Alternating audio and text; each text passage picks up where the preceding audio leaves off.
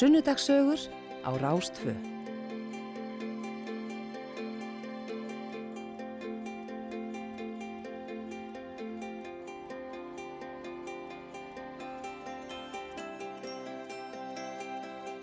Jú komið þið sæl þegar hlust á sunnundagsögurnar hér á Rástfö. Ég heiti Gíja Holmgerstóttir og hels ykkur hérðan frá Akureyri.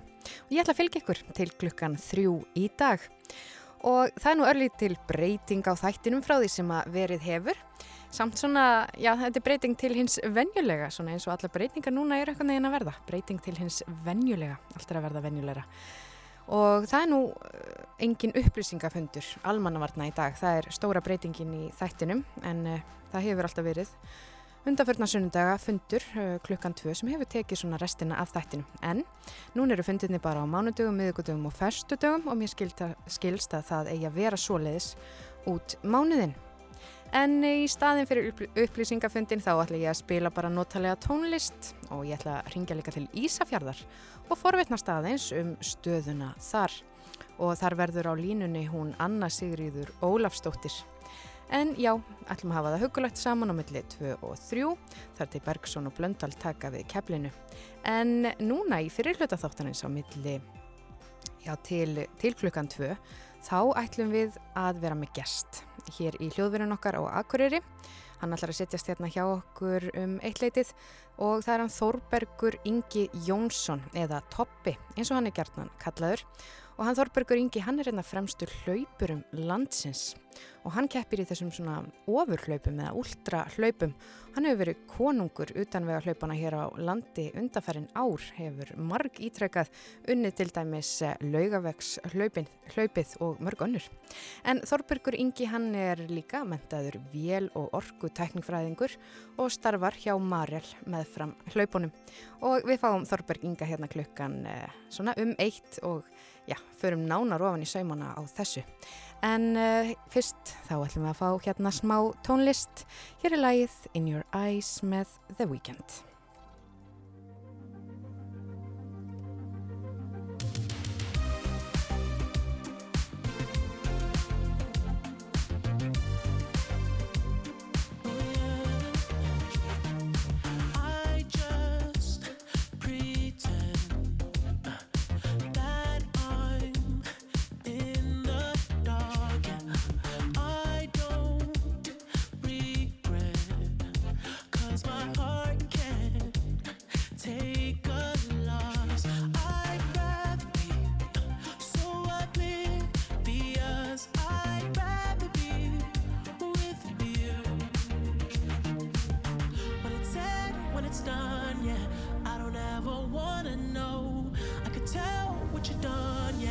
When I look at you in your eyes.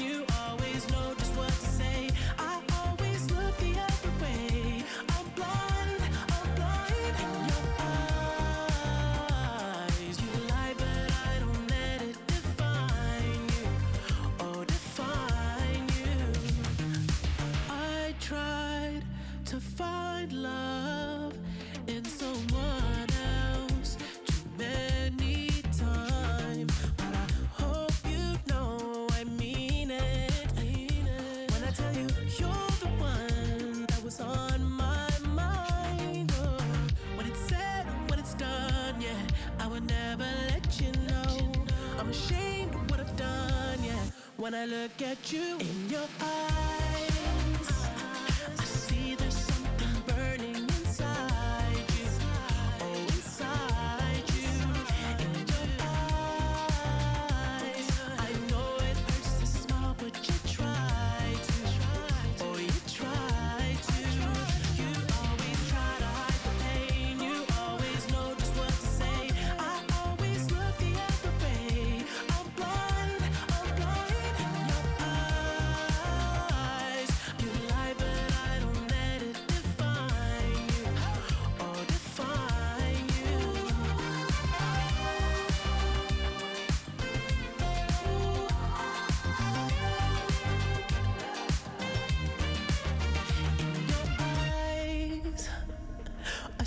There's something burning inside you.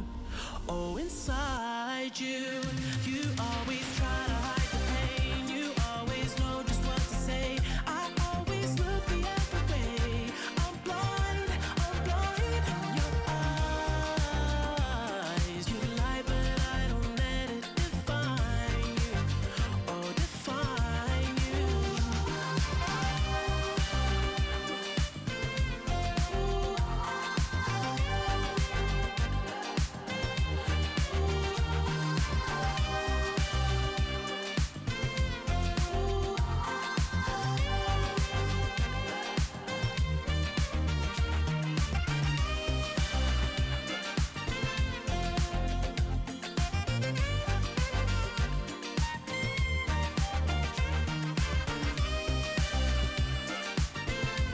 Já, þetta er hljómsendin The Weeknd með lagið In Your Eyes. Við höldum áfram hér með sunnudagssögurnar á Rástvö og það er nú verðt að minnast á það. Eh, Það er mæðratagurinn í dag. Þannig að við hér óskum bara öllum mæðurum uh, nær og fjær innilega til hamingi með daginn. Mæður eru indislegar. Það er nú bara svoleiðis. En við skulum kíkja eins á veðrið. Alltaf gaman að aðtuga aðeins hvernig veðráttan er og hér eru horfur fyrir næsta sólurhengin um allt landið. Það er vestan og suðvestan 5 til 15 metrar á sekundu. Það er kvassast norðvestanlands. Bjart með köplum en stöku skúrir á suðurlandi, hiti 4 til 10 stig. Vestan 5 til 13 metrar á sekundu á morgun, víða rigning eða skúrir og hiti 3 til 9 stig. En úrkomu lítið suðaustanlands og hiti að 14 stigum. Norrleg 8 5 til 10 og dálítil jél á norðaustanverðu landinu síðdeis og þar til, já, og þar kólunar í veðri. Uh, ég hikaði þarna aðeins þegar ég las að það væri dálítil jél, enda eru, uh, erum við sem erum hérna á norðanverðu landinu, við erum alveg komið nóg af svona jæljaspá og ýmsum svona snjóspám, viljum bara fá betra veður og betra sumar. Ég hef aðeins verið að hugsa um það þegar að eh, þegar að Söðurlandið vil fá sumarið sem var í fyrra og þá segjum við hér fyrir norðan nei, nei, nei, það viljum við sko alls ekki enda var sumarið með eh, bara, það var það versta í manna minnum. Þannig að við vonum bara að það komi hitatölur og fari svolítið að vora vel og, og hiti að koma í kortin allstaðar og ekki svona jél eh, meira. En við skulum hérna heyra næst uh, í Dua Lipa með lagið Physical.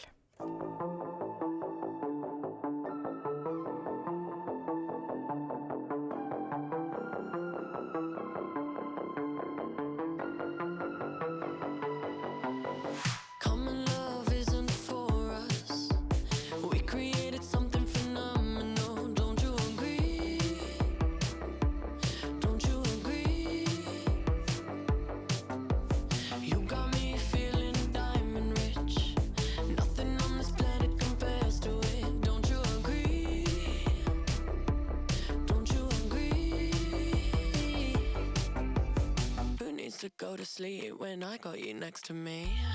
All night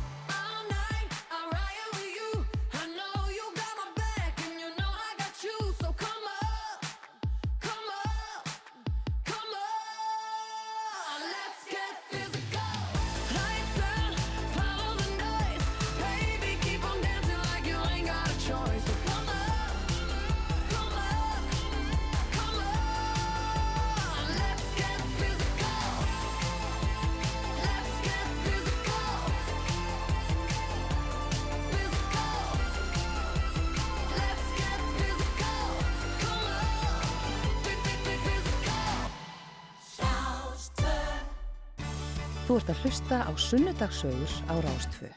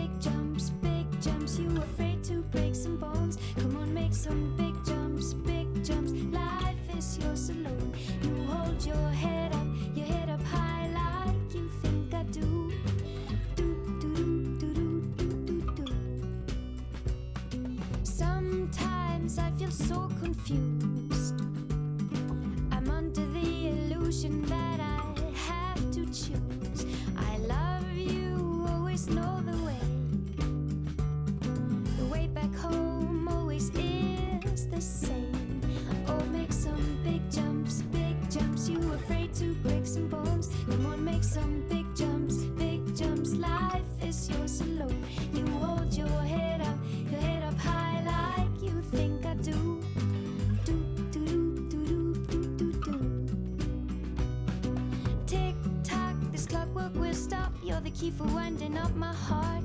Brick, brack, if you don't wind me up, the sky will lie upon me like a passed out drunk. Without you, I would never rise again. Without you, I would never rise.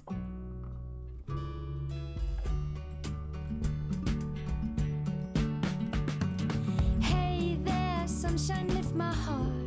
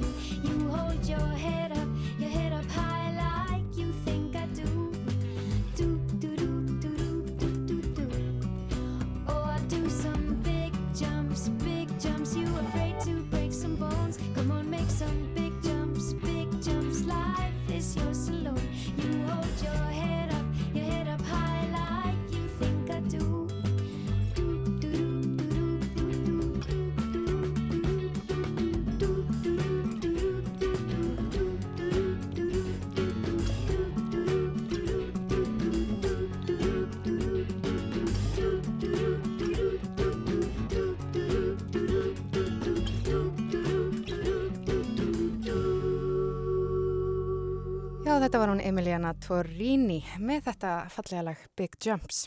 En við erum komið gest hingað í hljóðveru okkar á Akureyri. Það er hann Þorbergur Ingi Jónsson, últra hlaupari með meiru. Vertu uh, velkomin. Takk fyrir það. Jæja, hvernig eru svona sunnudagar hjá þér? Sunnudagur er oftast bara mjög rólegir dagar hjá mér. Það er búin að ég tek langa æfingu á, á lögadegi. Þetta er svona recovery dagur, fjölskyldudagur. Mm -hmm. Förum í sund, fjölskyldan og, og hérna oft er eitthvað svona útivera í þessu líka. Farið í kjarnaskó eða eitthvað svona. Já, Eitthvað dúlað saman. já, já. Er, eru þið all fjölskyldan mikið svona útivistar fólk? Já, en að Eva, kona mín, hún er bara ultrahlaupari líka og hleypur mjög mikið og, og hérna Kristín, dóttir okkar, hún bara kemur með okkur í þetta fer í já. bakpokan bara ef við löpum upp á fjöll og, og svona bara lítlir göngutúrar og svona Akkurat, hvað er, hvað er dóttir eitthvað gömul? hún er að vera tveggja ára núna í mæ Já, þannig að það er ekkert mál að hafa hann á bakinu. nei, nei, nei, nei. Hún bara, hún elskar það Já, já það hljómar indislega og geta saminað svona áhugamál. já, algjörlega, þetta er bara lífið okkar að vera í náttúrunni Mm En þú ert og þið, hjónin, eruð últra hlauparar. Uh, hvað eru þessi últra hlaup? Hvernig, hvernig eru þau skildgrind? Já, sérst, ultra er það sem er yfir marathon yfir Mm -hmm. 42,2 kilometra það er talað um ultra vegalengt alveg saman hvort að það er bara á slettum malbyggi eða í fjöllum bara allt sem er yfir marathon er þá að tala um ultra hlaup Já, einmitt. Og hvað geta þessi hlaup verið löng? bara endalislöng það er hérna það er sko þá fyrir þetta hægt að vera hlaup á endanum sko en hérna það er keft í alveg fárulegustu vegalengdum upp í þúsund kilometra Já, en vel. svona helstu svona vegalengdir væri kannski 50 kilometrar, 100 kilometrar og svo 168 eða sérst, já, míla Já. Hun- 100 mílur Þetta eru, þetta eru svakalegar vegalengdir. Uh, hvað, hvað er svona lengsta hlaupið sem að þú hefur hlaupið?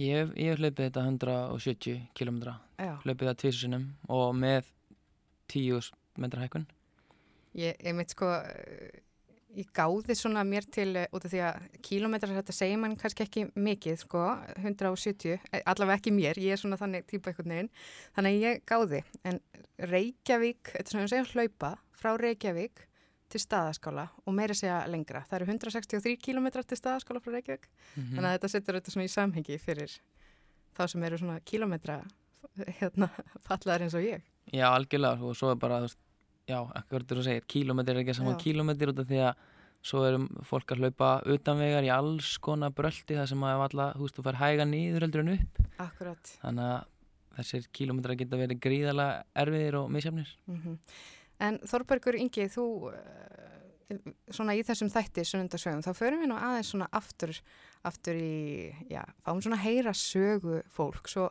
mér langar svona að heyra aðeins hvar rætuna þínar eru, hvar ólstu upp? Já, ég er frá Neskjöpstað og hérna fættur þar og uppalinn og mjög gott að búa Neskjöpstað, þetta er lítill bær og hérna samt fannst manni maður hafði bara allt sem maður þurfti þarna, náttúrulega mikið bara í náttúrunni. Alltaf út af fótboltavelli og hoppið við lækin og eitthvað svona. Mm og hérna þessi er mjög gott að alveg börn hana þetta er hérna góðu bær Já, og þetta er nú svona, já, kannski eins og Akureyri, eh, svona umlukið mikill í náttúru og varstu alltaf svona tengdu náttúrunni líka sem barn? Já, ég hef alltaf verið það hérna, ég veit ekki, kannski er það uppeldi líka við vorum, vorum mikið að fara í svona alls konar lautaferðir og veist, fjallgöngur og berjamó og svona bara eitthvað mm. það er bara sjórinn og fjöllin Já. og hérna og, og núna einhvern veginn í dag finnst mér, finnst, ég get ekki held ég búið á stað sem ég myndi ekki sjá fjöllin og helst sjóin líka Já. þannig að Akureyri er frábær staði fyrir mig Akkurat. En hvernig var svona að alastu, segðu mig frá sko bara fjölskyldunni, mammaðin og pappi og eru þið mörg sískinni? Við erum tveir bræður, bróður minni tveim árum yngri en ég og hérna það er eins gott að hérna, hafa hann að hérna við vorum svona, við þurftum að vera mikið að gera og svona atast í hverju öðrum og það hefði verið erfitt fyrir fóreldra mín að hafa mig bara einan sko og hérna fóreldra mínir eh, Berglind Torpesdóttir og, og Jón Valger Jónsson og hérna pappi hann er sérst frá Eskifyrði eða selláturum sem er inn í Reyðafyrði Mm. og mamma frá Neskusta Já, og voru, þið voru greinilega bá, báði bræðurnir mjög aktífir. Já, við vorum mjög aktífi sko. Þú veist, ég myndi segja að báðir hafi verið rólegir allavega ég sko svona, já, frekar ró- rólegur en samt alltaf svona eitthvað erðarleysi svona inn í manni, Mm. við þurftum að vera að gera eitthvað og, og ég sérstaklega bara unnum mér ekki með ég, þú veist, ég væri að eitthvað aðtast upp á fjöllum eða svona í einhverju. Já. Og hver voru svona áhugamáliðin þegar þú varst uh, barn? Ég var í fótbolta og það var svolítið svona mitt og veist, það var ég, auðvitað ég hefði svona eftir að veikja það verið rosalega gott að það hefði verið eitthvað í bóði eins og gönguskíði eða, eða frjálsar íþróttir svona veist, eftir að maður var tilbaka. Já. en það var bara fótbolti og blag og eitthvað, skí, eitthvað var gætt fólk fara á skíði líka. En hérna fyrir mig var það bara fótbolti. Þannig að ég var þar bara og, og svolítið metnaða sem er í, í því. Já, já, og þannig að hlaupin voru ekkert uh, eitthvað sem að þú einblindir á strax þegar þú byrjar svona að æfa íþróttir. Nei, það var ekkit náttúrulega í bóði bara þannig, en maður hleypur í fótbolta og, og hérna og svo þegar ég var ekki í fótboltaðingum þá var ég kannski út að hlaupa eða í fjallgöngum. Þannig að þú veist ég, undibúningur minn fyrir úlstarlaup er mjög góður, ég var alltaf að gera eitthvað. Akkurat. En, en, en hvað, varstu, áttur eitthvað svona, já, átrúnaðar goð í íþróttunum, þú hefur verið mikið í fótboltanum, hverju voru svona þínar fyrirmyndir á þessum tíma? mann segja að það eru margar fyrirmyndir. Ég átti svona svona, maður horfði á fólki bara í kringum sig líka og hérna íþróttakennarar og svona já, einhverju sem svona skuruðu kannski aðeins fram úr. Svo bara fann maður sér alltaf nýjar og nýjar fyrirmyndir ef maður er að tala um einhver svona stór nöfn þá ég bara svona leit mikið upp til hérna Michael Jordans Já, Hérna, já, já, já. það var alveg körubolti líka svona, þú veist, hann var bara flóti kall Já, akkurat. Þetta var þetta kannski á þeim tíma þar sem að e, köruboltaspjöldin voru aðal áhugamálið eða, eða hvað? Já, algjörlega og ég alveg safnaði honum alveg og hérna það var, já, mikill körbólta áhugi. Já. Hefur þið fylst með hérna heimildamindinni? Já, ég er þetta. akkurat, hún Þetta- hefur verið mikið umræðinni. Já, mér finnst alveg geggja að sjá svo þetta. Já, og þetta er svona varpa ljósi á bara ímsar hlýðar íþrótta í mitt. Já, og bara þú sjá hvað hann er miklu meir en bara, þú veist, körbóltamaðurinn, eða þú veist, bara karakterinn, hvað hann er svona sterkur karakter og svona ákveðin og þetta er svona, já, hann, ég líti alveg upp til hans, sko. En segðu mér svo, þú ert þarna á Nesköpstað, elst þarna upp og, og fóreldrinnar eru þarna að hlaupa á eftir ykkur bræðurum, e- eitthvað svo leiðis. Já, Hvað gerist svo? Hvert, hvert líkur leiðin? e, ég hérna, ég, sest, ég fer í verkmyndaskólan hérna á Neskustaf, verkmyndaskóla Austurlands og hann alltaf bara hinn með götuna það sem við byggum, þannig að það var svona Já, lág beinast við og klára hann, klárum áramót þannig að ég fer hérna norður til Akureyrar Mm. og vissi ekki hvað ég ætla að læra þannig að ég fer í nútímafræði Já, já. sem ég er að útskrifa á að þetta er svolítið Þetta er Svona- pínu eins og uppeyja. já, E- þetta já. er það sko en þetta átt að vera voða fínt svona að maður ætla að finna sig og svona sjá hvað þetta já, þú veist, öðlast einhverju svona sína á lífið sem það var alveg, þetta var svolítið öðru í sig En nútímafræði, þetta er kent hérna við háskólan á Akureyri. já, þetta tekur ár, þetta er sérst en ég var bara í hálft ár.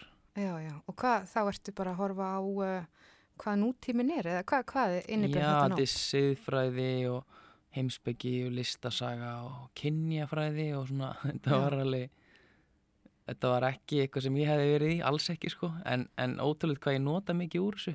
Sérstaklega eins og siðfræði. Maður var svona marga pælingar sem ég er ennþá að nota í, í dag. Já, já. Og þannig ertu í ár og, og, og Já, ég er í hálft ár í hálft ár. Klára þetta bara á, á vori og hérna og þá fer ég í tekniskólan já. vél, vél og orkutennifræði Og þú útskrifast þaðan með uh, BS próf. Já. já. Vél og orkutekni fræði, uh, hverju svona helstu starfsvið innan þess geira? Uh, já, ég er að vinna hjá Marel og, hérna, og er, er að hérna, teikna flæðilínur og flokkara og, og færibönd tæknifræðingar almennt. Í, það er rosalega vítt sko, Já, og þannig séð. Að hérna já, við getum gert mjög margt.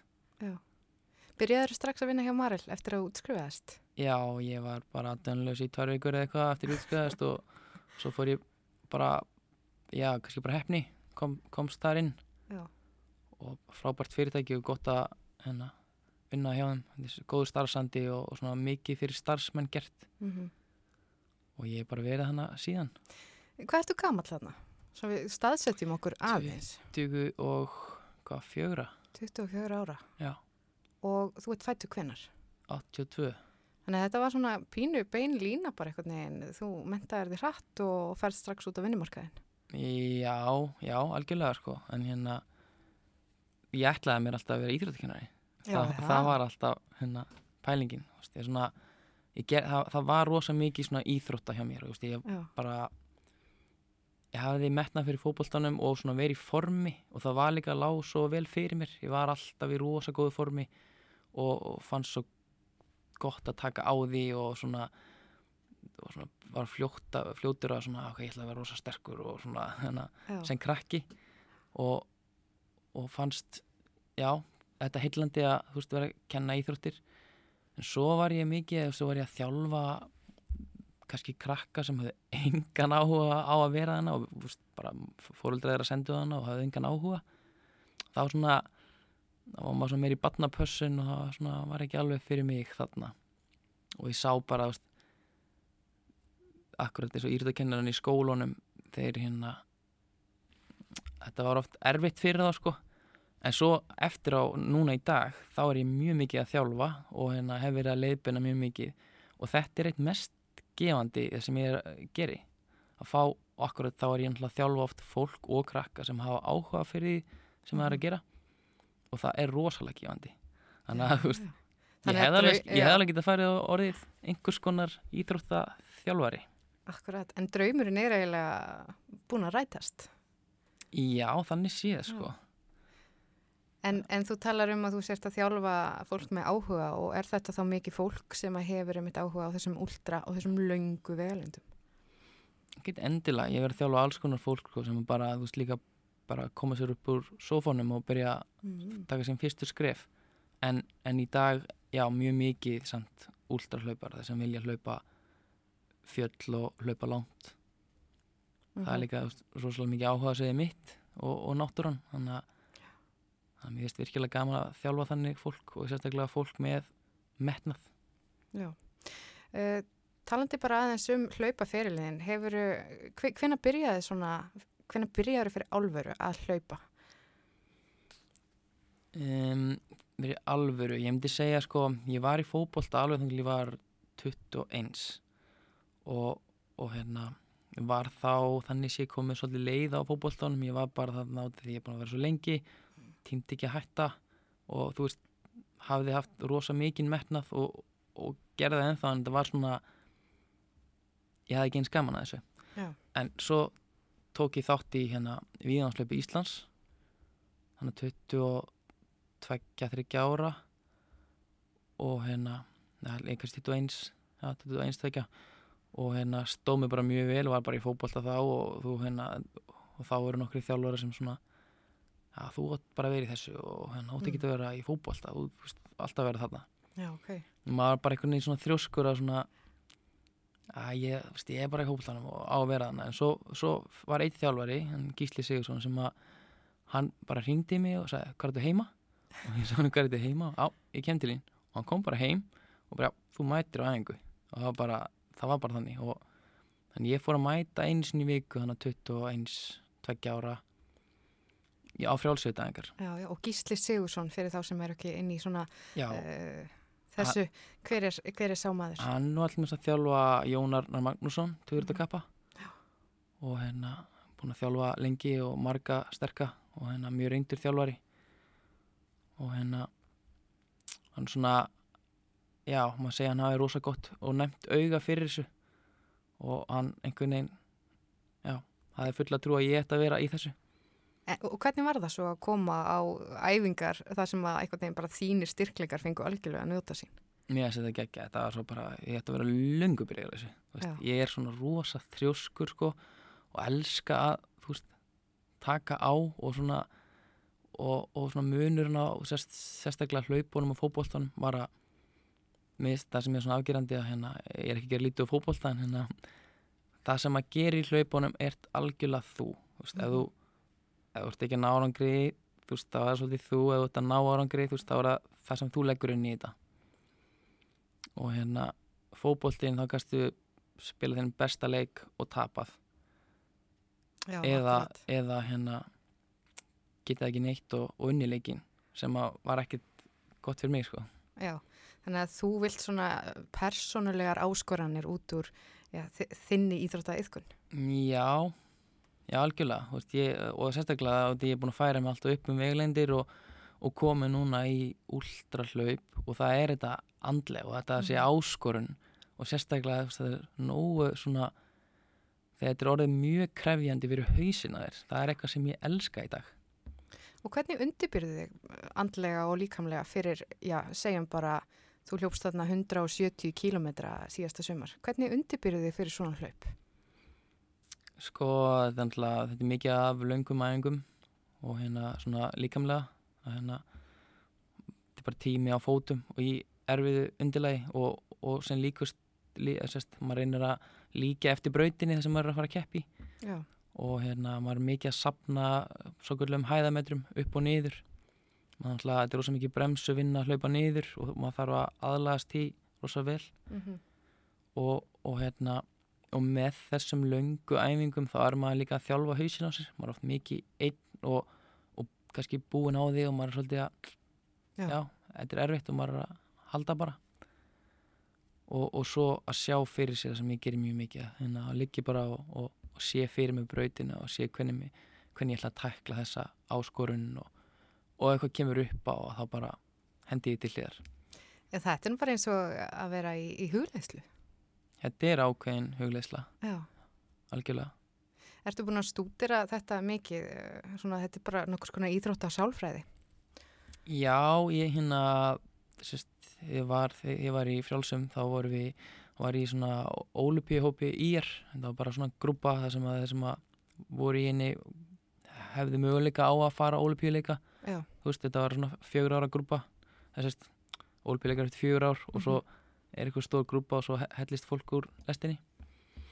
Og þá voru við í svona íþrótta sálfræði og ég hef notað það alveg gríðarlega mikið. Þannig að bara hvernig við átt að hugsa og allt þetta að vera jákvæður og, og hérna og, og það er þetta að þjálfa sig bara í þessu. Þú getur bara þú ræður hvað þú hugsa nákvæmlega. Það kemur einhver, einhver erfiðleika að koma að þér að hérna þú ræður alveg hvernig þú tekur því getur Mhm. bara að þetta er ekki hægt og þetta er bara, ég er bara búinn og eða fara hinleðina og bara þetta er ekkert mál bara kondu með þetta sko Einmitt. og, og því ég er svolítið þar sko að hérna og ég er svona mér finnst það virkilega gefandi þegar ég lenda þeim punkti að mér finnst einhvern veginn að hérna að ég geti allt Mm. þú veist, ég bara, að ég er búin að prófa svo margt ég geti allt og þegar ég lenda þeim stað að ég bara er bugaður, gjörsanlega og kemst ekki áfram og bara hausinn farin það er svona eftir þá svona, shit, gat ég lendi í þessu sko Einmitt. Og hefur þetta gerst oft fyrir þig á meðan þú ert að hlaupa í, í, í þessum lengur hlaupum að bara vera alveg komin að bugun og ætla bara að stoppa? Mm, Og hvað já, hugsarðu þá? Já, st- oft, já, eða, þannig, Já. oft og maður náttúrulega, maður fyrir alltaf já, algjörlega og hérna þetta er svolítið bara, þarf maður að rístarta bara, hérna byrja upp á nýtt og maður er oft verið þannig að maður sko bara líka menn virkar ekki og kannski orðin kannski söflaus og eitthvað svona óniða og ekki geta borðað í marga klukkutíma og hérna og, og þetta aðalega sko að maður setur sér einhver markmið fyrir og það er farið það er að erfiðasta Mm. og svo bara þarf maður að rýsa upp frá þeim punkti bara, nú er ég stættur hér hvað ætla ég að gera? ætla ég að hætta eða að gera og vel og ég get út frá þessum punkti og hérna mér finnst það mjög gefandi þá, þú veist, ferði frá því að vera bara bara eins og sett fimm ára búin að pissa á því sko eða þú veist, eitthvað og hérna rýsa upp og þá upplifi ég oft svona einhverja stolt tilfinningu sem er mjög góð Já, já. Og hvernig er svo að koma í mark eftir, eh, eftir svona langt hlaup? Hvernig er tilfinningin? það er náttúrulega bara mjög gefandi. Þetta er svolítið svona ég lýsi oft eins og að fara í gegnum þetta er svona últralöp eins og að fara í gegnum lífið. Það eru bara ákveðin erfileikar og ákveðin gleði og, og svona upp og niður. Þetta er ekki alltaf bara líknu sjór. Mm. og þarna ertu búin að fara í gegnum en þú hættir ekki, þú klárar þú gerir þessu vel og þú gast og, og hérna og kannski trúðir því ekki að þú gætir þetta einhver tíman þannig að það er rosa gott að koma í mark Ég svolítið forvitin, sko, 170 kilometrar, ertu með eitthvað taktík á hvernig, nú eru oft eh, stuðningsmenn sem að koma með í svona ferðir og raðar þeim taktist upp. Hver er svona á síðustu metrónum eða, eh, þú veist, er konaðinn akkurat þarna og hún peppar því þarna. Ertu með eitthvað svona taktík í þessu? Já, en hérna oftast næri er sérst þá sem fylgimanni hann, hann kemur með á margastæði hann bara keira á milli og, og er á mörgum stuðum og alltaf gott að sjá fjölskyldina sín í markinni það er náttúrulega Já, bara geggjað það geta, svo í síðasta hlaupi þá var ég hljópið með þeim í mark og það var bara, það gaf mér mikið. En hérna ég, ég hef verið he svo heppin að ég hef oft hérna haft hérna mjög góðan vinn minn Sævar Helgason, hann hefur verið að fara með mér í þessi laup og þekki mig mjög vel Já. og hérna veit hvað hann á að segja við mig á ákveðnum tímapunktum.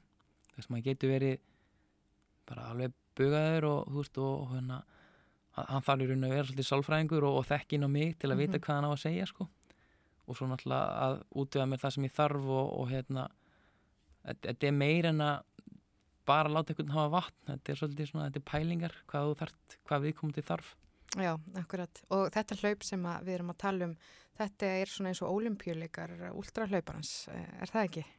Sest, þetta ÖTMB Já, þetta um, örgulega þekktasta últralöp í, í heiminum.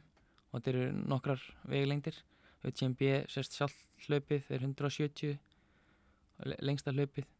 Og svo er OCC sem er 56 CCC sem er 100 og TTS sem er 145 mm þannig að þessi hlaup já, væri svona nokkur skonar ólupíuleikar últralauparnas já. og fólk, flestir últralaupar þeir, þeir stefna þangað Ég sá hérna í frétt eh, frá þessu hlaupi að þú sagðist nú aldrei ætla að hlaupa þetta hlaup aftur. Hvað Já. var það sem fekk þið til þess að segja það? Eh, ég var spurður svona þreja myndum eftir að koma í mark og, og hérna þetta var frekar óþægilegt þetta ég hef búin að vera að upplifa veist, já, mikla þjáning og bugun mjög lengi það var ekki bara að tala um að vera illt í fótunum það er bara líka með virkar ekki og maður er svona við að lognast út af og það er líka háfjallaloftanna sem er erfitt oft fyrir okkur Íslendinga. Þess að hlaupa lengi í sérst, yfir 2000 metrum. Já. og þá, þá verður maður eitthvað hálsljór og fær í magan og eitthvað. Þannig að Þannig þetta þarna- var já, mjög erfitt og hérna ég var búin að vera mjög bugar lengi og langaði ekkert að gera þetta aftur. Einmitt. en svo náttúrulega gleymist það bara. Maður bara, á, rosalega var gaman að í mark það er sem maður hugsa núna en hérna, maður er bara búin að gleyma öllum sásökunum hana sem var að baka þetta Það fyndi, það er mæðradagurinn í dag og, og þessi lýsing hjá þér er akkurat það sem að ég upplifið með fæðingu. Þetta Já. var alveg ógist, ótrúlega erfitt og svo gleymum maður og bara, það var og getur hugsað sér að gera þetta aftur. Já, það var Mm. akkurat einn ljósmóður sem kommentaði á þetta bara, já, já, ég hef heyrt þetta miljónsir manna frá mæðurum, sko. Aldrei að gera þetta aftur, svo koma það alltaf aftur. Já, þannig að þú munt taka þátt í þessu 170 km hlaupi vantarlega aftur. Ég mm, myndi halda það, ég er svo langt því að toppa með hana Mm. og hérna, ég veit ég get gert svo miklu bautur og ég er það 100% að að hérna, ég bara verð að gera það. Við sitjum hérna með uh, Þorbergi Inga Jónssoni, ultrahlaupara með meiru og erum svona að fara yfir hans sögur og þið eruð að hlusta á sunnundagssögur hér á Rástfö og við ætlum að hlusta á smá auglýsingar og svo eitt lag og svo höldum við áfram hérna að uh, heyra Jónum Þorbergi Inga.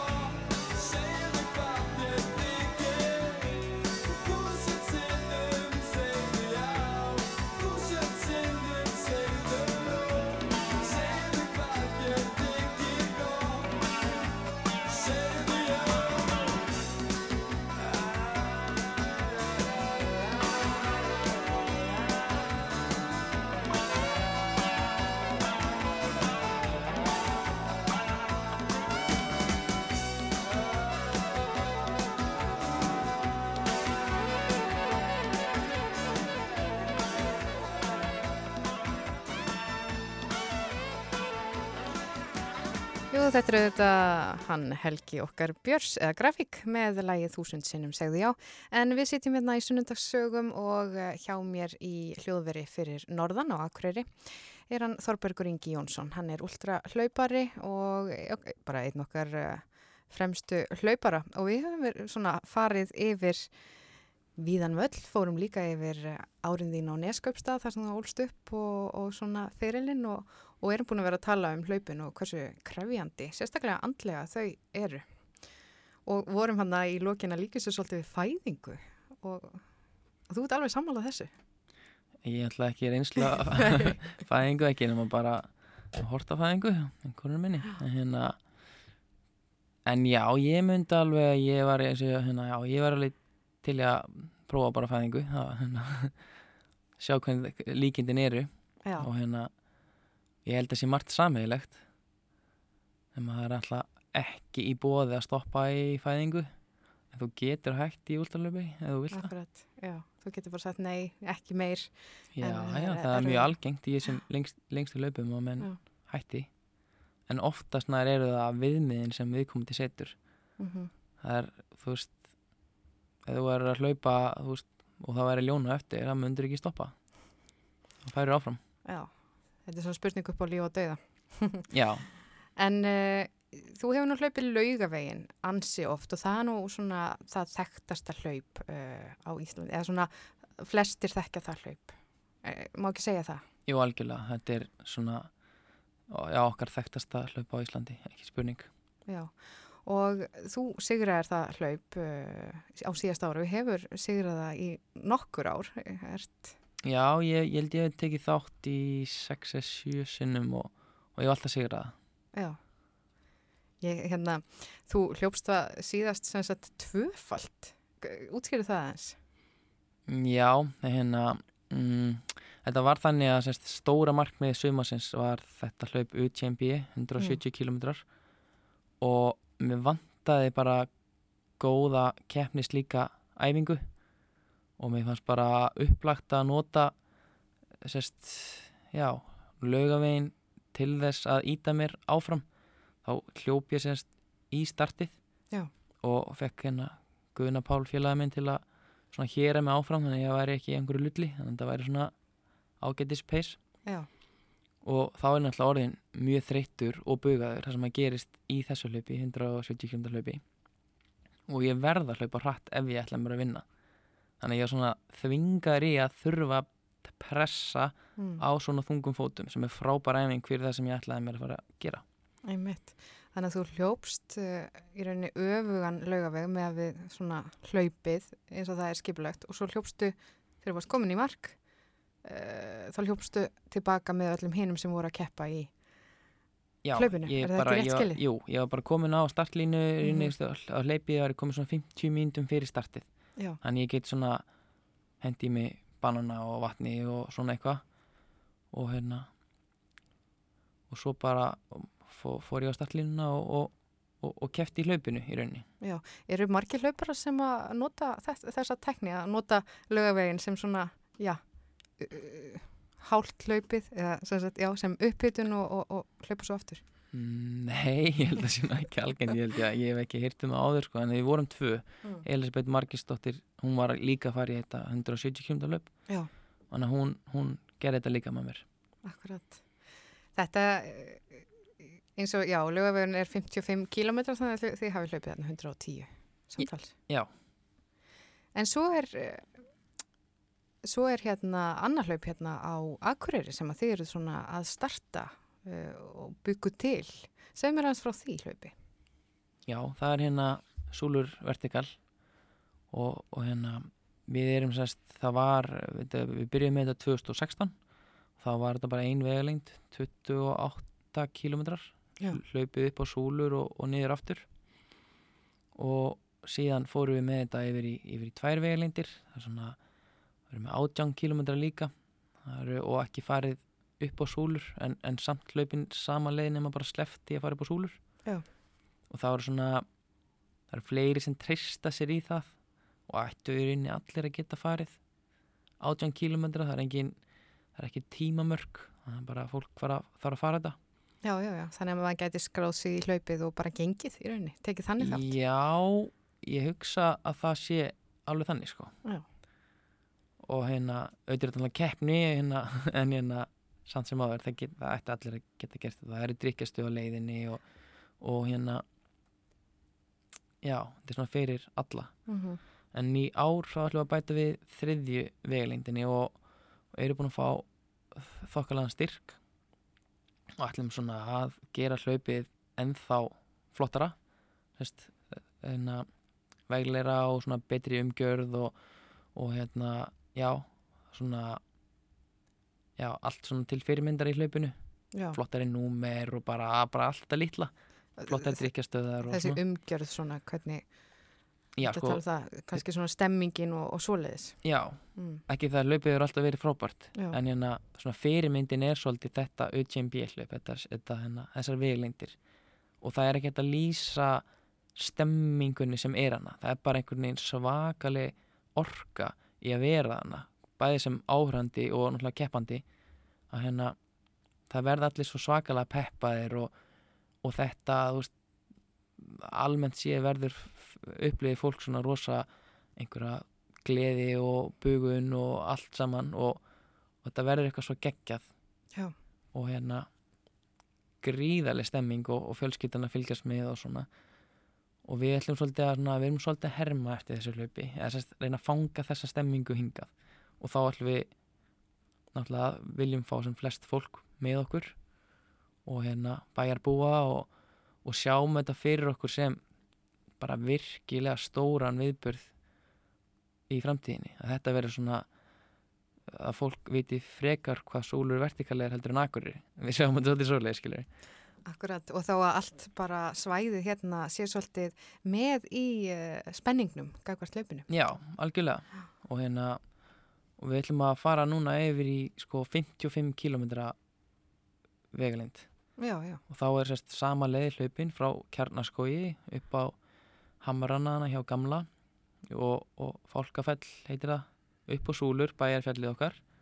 Og áfram í áttina að kellingu, allur fjallgarðurinn hlaupin inn að Lamba sem er hérna innst í Gleradal mm og aftur út dalinn að, að Súlu bílastæði síðan er farið upp á Hlíðafjall og, og svo neyri bæ já. Þetta er, þetta er spotti. Það er þetta spotti og þetta er klifur og svona Já. Og er mikil, eins og þú talar mikið um að, að hækkun skiptir í máli, er mikil hækkun í þessu hlaupi? Já, það er 3000 metrar hækkun Já. þannig að þetta er Þetta er strempið. Já, þetta er strempið sko en, en hins vegar er það þannig að hérna sérst, viðmiðin er að breytast af fólki að hérna, fólk heldur að geta ekki farið einhver ákveðna veglengd en þetta er allt spurningum að stilla hraðan í hóf fólk getur farið en, þú veist, svo rosalega veglengd og tala ekki um að þú veist, fer eitthvað að æfa hérna, það er ótrúlega fólk sem að gæti farið þetta Já. Já, þú ert að tala um hérna súlur vertikal og þú, þið eru svona að eh, stækka þetta hlaup. mm -hmm. Uh, hvernig gengur það, já núna á þessum tímum þar sem að eru svona þessar allar takmarkanir? Náu þið að gera þetta eins, eh, auðvitað ekki eins og þið myndu vilja en hvernig ætlið þið að, hvernig ætlið þið að útfæra þetta? Já, við náum náttúrulega ekki eins og vel til útlendinga núna. Það er náttúrulega bara svolítið stopp í heiminum. Eða sérst, þetta að fólk kom til landsins og svona. Mm -hmm. Og, en, en annars held ég að við getum við getum alveg útfært þetta og, og Íslendingar það, hérna, er að hlaupa og það er að hlaupa í gangi núna og, og hérna hlaupa sumar að Íslandi er ekki úti. Það, það verða hlaup í sumar og er byrjað að það var hlaupun bara í gær og hérna við erum bara mjög brött og ætlum okkur að eiga að hafa geggja hlaup hérna fyrsta ágúst Já, ég sá frétt uh, frá hlaupi í Vestmannegjum uh, sem að bara uh, skráningin, þau þurfti að loka fyrir skráning út af því að það var bara svo mikill áhuga og það var frá Íslendingum að hlaupa hlaupið. mm -hmm. Uh, sjáu þið eitthvað sambarilegt hjá ykkur? Er metfjöldi Íslendinga að skrá sig og, slíkt? Já, í, í okkar hlaup. Já, í Súlur Vertikal. Já, algjörlega, við erum alltaf að fara að toppa sérst okkar síðasta hlaup og, og vondi vel það. Það var svona, við fórum alltaf, við setjum skráningun okkar stað í mestu óvissunni en samt var sérst í mars. Og samt var mjög góð skráning sérstaklega í lengstu veglindina og það eru flestir sem skrá sig aðeins setna í þessi stýttirhlaup það er svona það er kannski ekki eins góðan undirbúning og hérna þannig að við sjáum alveg að það verði mikil aukning þar og sérstaklega á skráningum rétt fyrir hlaup Já, já, það verður gaman að fylgjast með þessu uh, súlur vertikal. En uh, hvernig, hvað er svona framöndan hjá þér núna? Fyrir hvaða hlaup ert þú að æfa? Mjög stóra markmiði var að ég ætlaði að fara í CCC, þetta 100 km hlaupan í, í Sjámóni, Já, Fraklandi og það er bara enda óvist hvort það verður. Og hérna mér finnst eiginlega líklega að verða ekki. Þannig að þetta er í Fraklandi og, og þetta er svona rosa óvissa.